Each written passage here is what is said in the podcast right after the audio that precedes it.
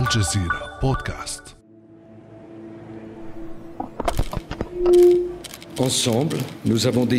معا قررنا أن نضمن تنفيذ قرارات مجلس الأمن التي تقضي بإيقاف فوري لإطلاق النار تجاه المدنيين في ليبيا. المشاركون مقتنعون بتوفير كل الوسائل الضرورية بما فيها العسكرية من أجل فرض احترام قرارات مجلس الأمن.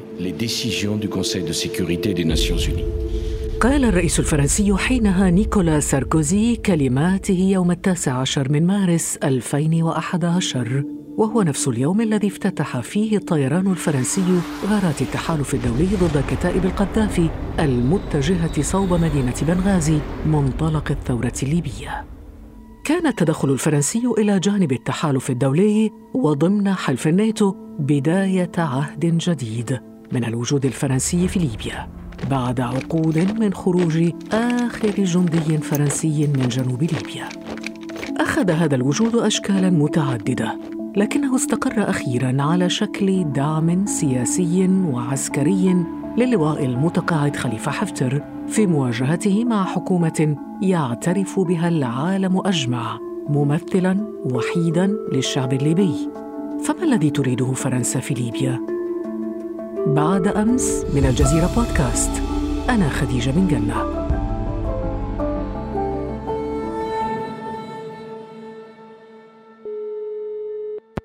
ضيف حلقتنا اليوم هو الكاتب الصحفي الليبي وليد ارتيما وليد أهلا وسهلا بك. أهلا وسهلا بك أستاذة خديجة وأحييك وأحيي كل فريق بودكاست الجزيرة ومستمعينا الكرام. الله يخليك ونحن نرحب بك هلبة هلبة هلبة. شكرا جزيلا لك شكرا.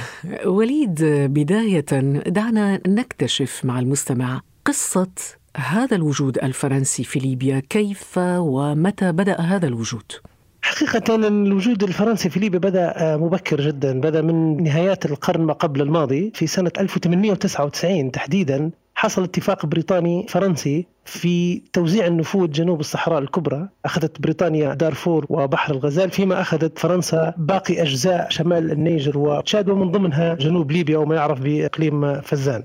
حدث بعد الاستقلال أن أصرت الدولة الليبية وعلى رأسها السيد بن حليم كان رئيس وزراء ليبيا أن تنتهي اتفاقية الدفاع أو اتفاقية الحماية بين ليبيا وفرنسا وتخرج فرنسا وتم التوقيع على اتفاقية الإجلاء وخرجت فرنسا بشكل نهائي نعم. من ليبيا هذا تأسيس جميل تاريخي جميل العلاقة مع القذافي خلال بداية حكمه إلى الثورة كيف كانت مع فرنسا؟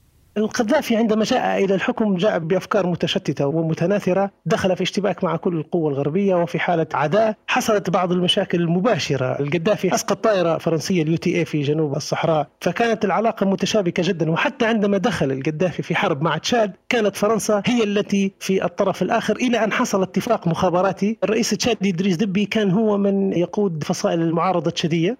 فاللي حصل إنه فرنسا كانت في الاتفاق من الجهة الأخرى مع إدريس دبي، إدريس دبي كان في المنتصف، القذافي دعم دريس دبي والمخابرات الفرنسية دعمت دريس دبي من الناحية الأخرى إلى أن تمكن دريس دبي من الوصول إلى السلطة، كان تنسيق غير مباشر لأن قبلها دخل القذافي في صدام مع فرنسا في تشاد. طيب العلاقة اذا مع فرنسا كانت متوترة خلال فترة حكم القذافي. ومرتبكة إلى جدا. أن جاء ساركوزي إلى الحكم أنا كنت في طرابلس عندما كان ساركوزي وزير داخلية زار طرابلس في سنة 2005 على ما أعتقد في 2005 2004 وحتى الآن التحقيقات التي تتحدث عن بداية الدعم القذافي لساركوزي بدأت من 2005 وتمويل 2004. حملة ساركوزي وتمويل الانتخابية حملة ساركوزي الانتخابية إلى أن وصل ساركوزي نعم. للحكم والناس ربما تتذكر ذلك المشهد الغريب أمام قصر الإليزي للقذافي وهو يبسط خيمته على جادة الشانزليزيه. ووصل الحد إلى كما ذكرت يا أستاذة قبل قليل وهو أن القذافي نصب خيمته في الإليزيه في سابقة تاريخية راها البعض بأنها تكشف الوجه الحقيقي لفرنسا وحدث التغيير وحافظت فرنسا وليد على علاقة جيدة مع ليبيا بعد التغيير الذي حصل مع سقوط القذافي. ولكن مع الانقسام الذي أحدثه حفتر عام 2014 يبدو أن فرنسا اختارت حفتر حليفا لها. لماذا؟ أنا في تقديري لأسباب عديدة. فرنسا غير مهتمة كثيرا بمسألة الديمقراطية في خارج حدود فرنسا. هذا الشيء الأول. إنتاج شكل ديمقراطي ليبرالي متطور بين قوسين هو لا يعني فرنسا أو في مشهد فيه تعددية لا يعني فرنسا سواء كان ليس فقط في ليبيا في أي دولة أخرى. الشيء الثاني وهو وصول اليمين في ليبيا أو في دول الربيع العربي أو ما يطلقون عليه الإسلام السياسي. فرنسا لديها مشكلة مع الدين بصفة عامة ومع وصول الإسلاميين إلى السلطة. ووضح هذا جليا في موقفها من الانقلاب في مصر وأيضا في سلوك الفرنسي في عملية التحول الديمقراطي في تونس. لأن تعرف فرنسا خاصة في الدول الفرنكوفونية فيما لو حصل تغيير ديمقراطي راسخ فهو أول تهديد سوف يكون تهديد لنفوذها هي بالتحديد. الشيء الثالث والمهم دخول فرنسا في تحالفات عميقة مع محور الثورة المضادة. زيد عليه وجود حفتر شخص سهل جدا التعامل معه دكتاتور يمسك بزمام الأمور. نعم ولكنها وصلت إلى حد تسليحه. وحدث أن اقتحمت قوات تابعة لحكومة الوفاق الوطني قاعدة أخلاها مقاتلون تابعون لحفتر في مدينة غريان لتعثر على صواريخ اعترفت وزارة الدفاع الفرنسية بأنها صواريخ فرنسية.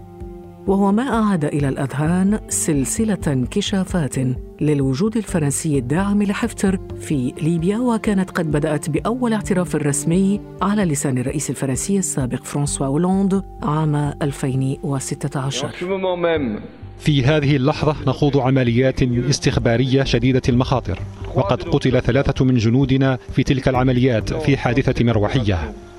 ومن هنا أعلنها مجددا لا شيء سيدفعنا إلى التخاذل. لكن فرنسا التي دعمت علنا الاتفاق السياسي الليبي الموقع في مدينة سخيرات المغربية عام 2015 تخلت عن تحفظها وانخرطت في دعم مباشر للعملية التي يشنها حفتر لاحتلال العاصمة الليبية طرابلس منذ أبريل الماضي.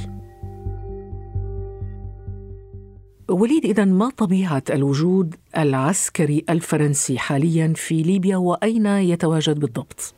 طبيعة الوجود العسكري الفرنسي أصفه بالمخابرات الخشن أو بالمخابرات المسلح يعني هو ما دون العسكري وما فوق الامني الغير معلن، هناك خبراء فرنسيين موجودين في قاعدة الجفرة، أيضا موجودين في قاعدة خروبة برفقة ضباط إماراتيين، كذلك هناك الحديث عن أن فرنسا هي التي هندست خريطة حتى تأمين الحقول والموانئ النفطية، أيضا فرنسا متواجدة بشكل مخابراتي لتوفير المعلومات لحفتر، نعم. فرنسا متورطة بشكل كبير. يعني ليس فقط على مستوى التسليح ولكن أيضا على مستوى الجنود على الأرض. آه هناك تواجد ولا يوجد دليل أكثر من مقتل مقتل الجنود واعتراف رئيس الدولة نعم. بمقتلهم هناك نعم. أيضا حتى بعد عدوان حفتر على طرابلس الأخير السلطات التونسية ألقت القبض على ما يقارب 12 ضابط فرنسي خرجوا بشكل غير شرعي من الحدود الليبية برا إلى تونس مه. فبالتالي هناك وجود physically ملموس غرفة العمليات التي تم السيطرة عليها من قبل قوات حكومة الوفاق في غريان كم الوثائق باللغة الفرنسية كان كم لافت وكبير مه. صواريخ جافلين وهي صواريخ متطورة جدا ضد الدروع إذا فرنسا سلوكها أو وجودها ممكن وصفها بأن هي سلوك متناقض في واقع معقد طب هذا التناقض فعلا يحيلنا إلى هذه المفارقة العجيبة وهي أنه فرنسا تبدو داعمة للعملية السياسية وكانت بالفعل شاهدا على حوار الصخيرات هذا على المستوى الرسمي ولكن على المستوى العملي والواقعي وعلى الأرض هي داعم أساسي عسكريا وسياسيا وأمنيا للواء المتقاعد خليفة حفتر كيف نفهم هذه المفارقة؟ أنا كنت في صخيرات يوم توقيع الاتفاق السياسي. أنا شهدت قبلها السفير الفرنسي في ليبيا. كان حريص جدا على المضي في عملية الاتفاق السياسي وتوقيع الاتفاق السياسي. وفي نفس الوقت كانت المخابرات الفرنسية تشتغل في ليبيا لدعم حفتر. في تقديري فرنسا تتصرف بفكرة الاحتواء المزدوج. تريد أن تكون حاضرة سياسيا عبر عدم ممانعتها للاتفاق السياسي لأن ممانعة فرنسا للاتفاق السياسي سيبعدها من أي تواجد سياسي آخر وفي تقديري اعتراف فرنسا بالاتفاق السياسي هو الذي جعلها موجودة فيما بعد سياسيا ولكن هي في نفس الوقت لا مانع عندها من خلق واقع جديد عبر دعم حفتر طب ماذا تستفيد من ذلك فرنسا؟ يعني ما الذي يدفع فرنسا إلى الرهان على خليفة حفتر إلى درجة أن يتحدث الرئيس الفرنسي إيمانويل ماكرون عن شرعية عسكرية لحفتر؟ وهذه فضيحة أخرى حقيقة يعني عندما يتحدث رئيس أول جمهورية في التاريخ على شرعية عسكرية وشرعية سياسية يعني فرنسا باستمرار تريد أن تكون موجودة في كل الساحات الليبية ولكن لكن شو بتستفيد؟ ماذا تستفيد؟ تستفيد التواجد والتحكم والتوجيه النقطة الأولى تواجدها يمنحها القدرة على توجيه المشهد والتحكم فيه تواجدها يضمن لها تواجد أكبر في المستقبل خاصة وهي تفكر حقيقة في عملية الطاقة لأن محدد الطاقة والأمن هي من أهم المحددات الفرنسية في سلوكها الاستراتيجي على مستوى القارة الإفريقية نعم وليد خلينا في هذا السياق نستمع إلى ما يقول وزير الخارجية الفرنسي صوت أوروبي نريد أن نسمعه في الصراع الليبي وهو أن الاتحاد الأوروبي لا يمكن أن يقف دون أن يبدي أي رد فعل لتأمين استقرار هذا البلد المفتاح الذي يقع في مفترق طرق استراتيجية والذي يضمن الاستقرار في دول المغرب الكبير والساحل الإفريقي. هذا الحديث الصريح لوزير الخارجية الفرنسي لودغيون عن ليبيا يضع في الحقيقة أهداف فرنسا في هذا البلد العربي أي في ليبيا على الطاولة بشكل صريح وعلني لكن هل هذه هي كل الأهداف؟ لا تخفي فرنسا قلقها من الوجود التركي في ليبيا والذي تحميه اتفاقية رسمية مع الحكومة الليبية التي يعترف بها العالم وهو ما دفع الرئيس الفرنسي إيمانويل ماكرون إلى اتهام تركيا علنا بالاعتداء على أمن الأوروبيين في الساحل من خلال وجودها في ليبيا. في الأيام الأخيرة قامت سفن تركية بنقل مرتزقة سوريين إلى الأراضي الليبية وهو ما يتعارض مع ما التزمت به تركيا في مؤتمر برلين ويشكل اعتداء على سيادة الأراضي الليبية وعلى أمن أوروبا والساحل. وليد واضح أن هذه العلاقة الجديدة من خلال الاتفاق الذي وقعته حكومة الوفاق الليبية مع الحكومة التركية مقلق جدا بالنسبة لفرنسا. بكل تأكيد المشكلة المشكلة لدى فرنسا أن سلوكها المتناقض ودعمها لحفتر فتح فراغ إلى روسيا وفعلا روسيا استطاعت أن تنفذ إلى الساحة الليبية عبر حفتر وهذا بالنسبة للولايات المتحدة الأمريكية وبالنسبة على الأقل التصور الأوروبي أن الوجود الروسي في جنوب المتوسط هو خطر حقيقي. هذا الوجود مشكلة فرنسا لا تستطيع أن تحد منه وفي نفس الوقت انزعجت عندما دخلت تركيا على الخط عبر اتفاقية ترسيم الحدود البحرية وأنا أصف الحقيقة اتفاقية ترسيم الحدود بالاتفاقية التي أعادت ترتيب الأوراق. في المتوسط وفي شرق المتوسط بالذات. اليوم فرنسا مصطفى أو منحازة إلى معسكر اليونان وقبرص الرومية فيما يخص اتفاقية ترسيم الحدود. الأمر الذي سيدفع فرنسا أو أوريدي دفعها إلى الدفع في إسقاط حكومة الوفاق فبالتالي إسقاط مذكرة التفاهم التي ترسم الحدود بين تركيا وليبيا. اليوم المعادلة في ليبيا بعد أن فشلت فرنسا وكل القوى الإقليمية الأخرى في إدارتها بشكل جيد السنوات الماضية دخل فيها رقمين كبيرين لن تستطيع فرنسا التعامل معهم بنفس الاستراتيجية الأولى وهذا ما يدفعهم وهم روسيا وتركيا وهذا ما يدفع الآن فرنسا إلى الضغط أكثر على حكومة الوفاق بهدف في المرحلة الأولى تحويل حكومة الوفاق من ممثل شرعي إلى مفاوض شرعي وبعدها عبر حوارات سياسية يجريها غسان سلامة يتم تغيير حكومة الوفاق الحالية وإنتاج حكومة جديدة في ليبيا لا تكون حكومة الوفاق الحالية التي وقعت الاتفاق مع تركيا طرفا فيها. وفي ظل هذا التعقيد المعقد جدا ما مستقبل الوجود الفرنسي في ليبيا اليوم في ظل هذه التطورات وهذه التعقيدات؟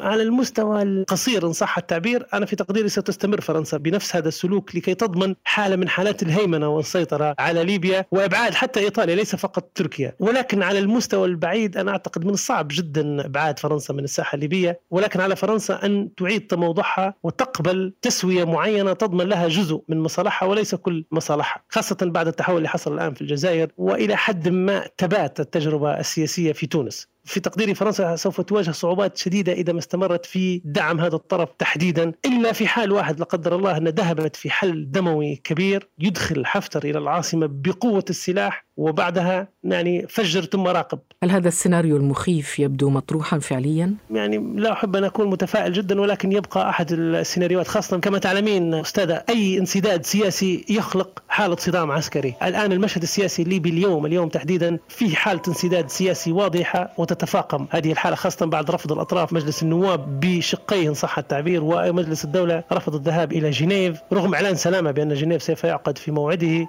شكرا جزيلا لك وليد ارتيما الكاتب والصحفي الليبي على كل هذه المعلومات والإيضاحات. شكرا لك. شكرا جزيلا لك.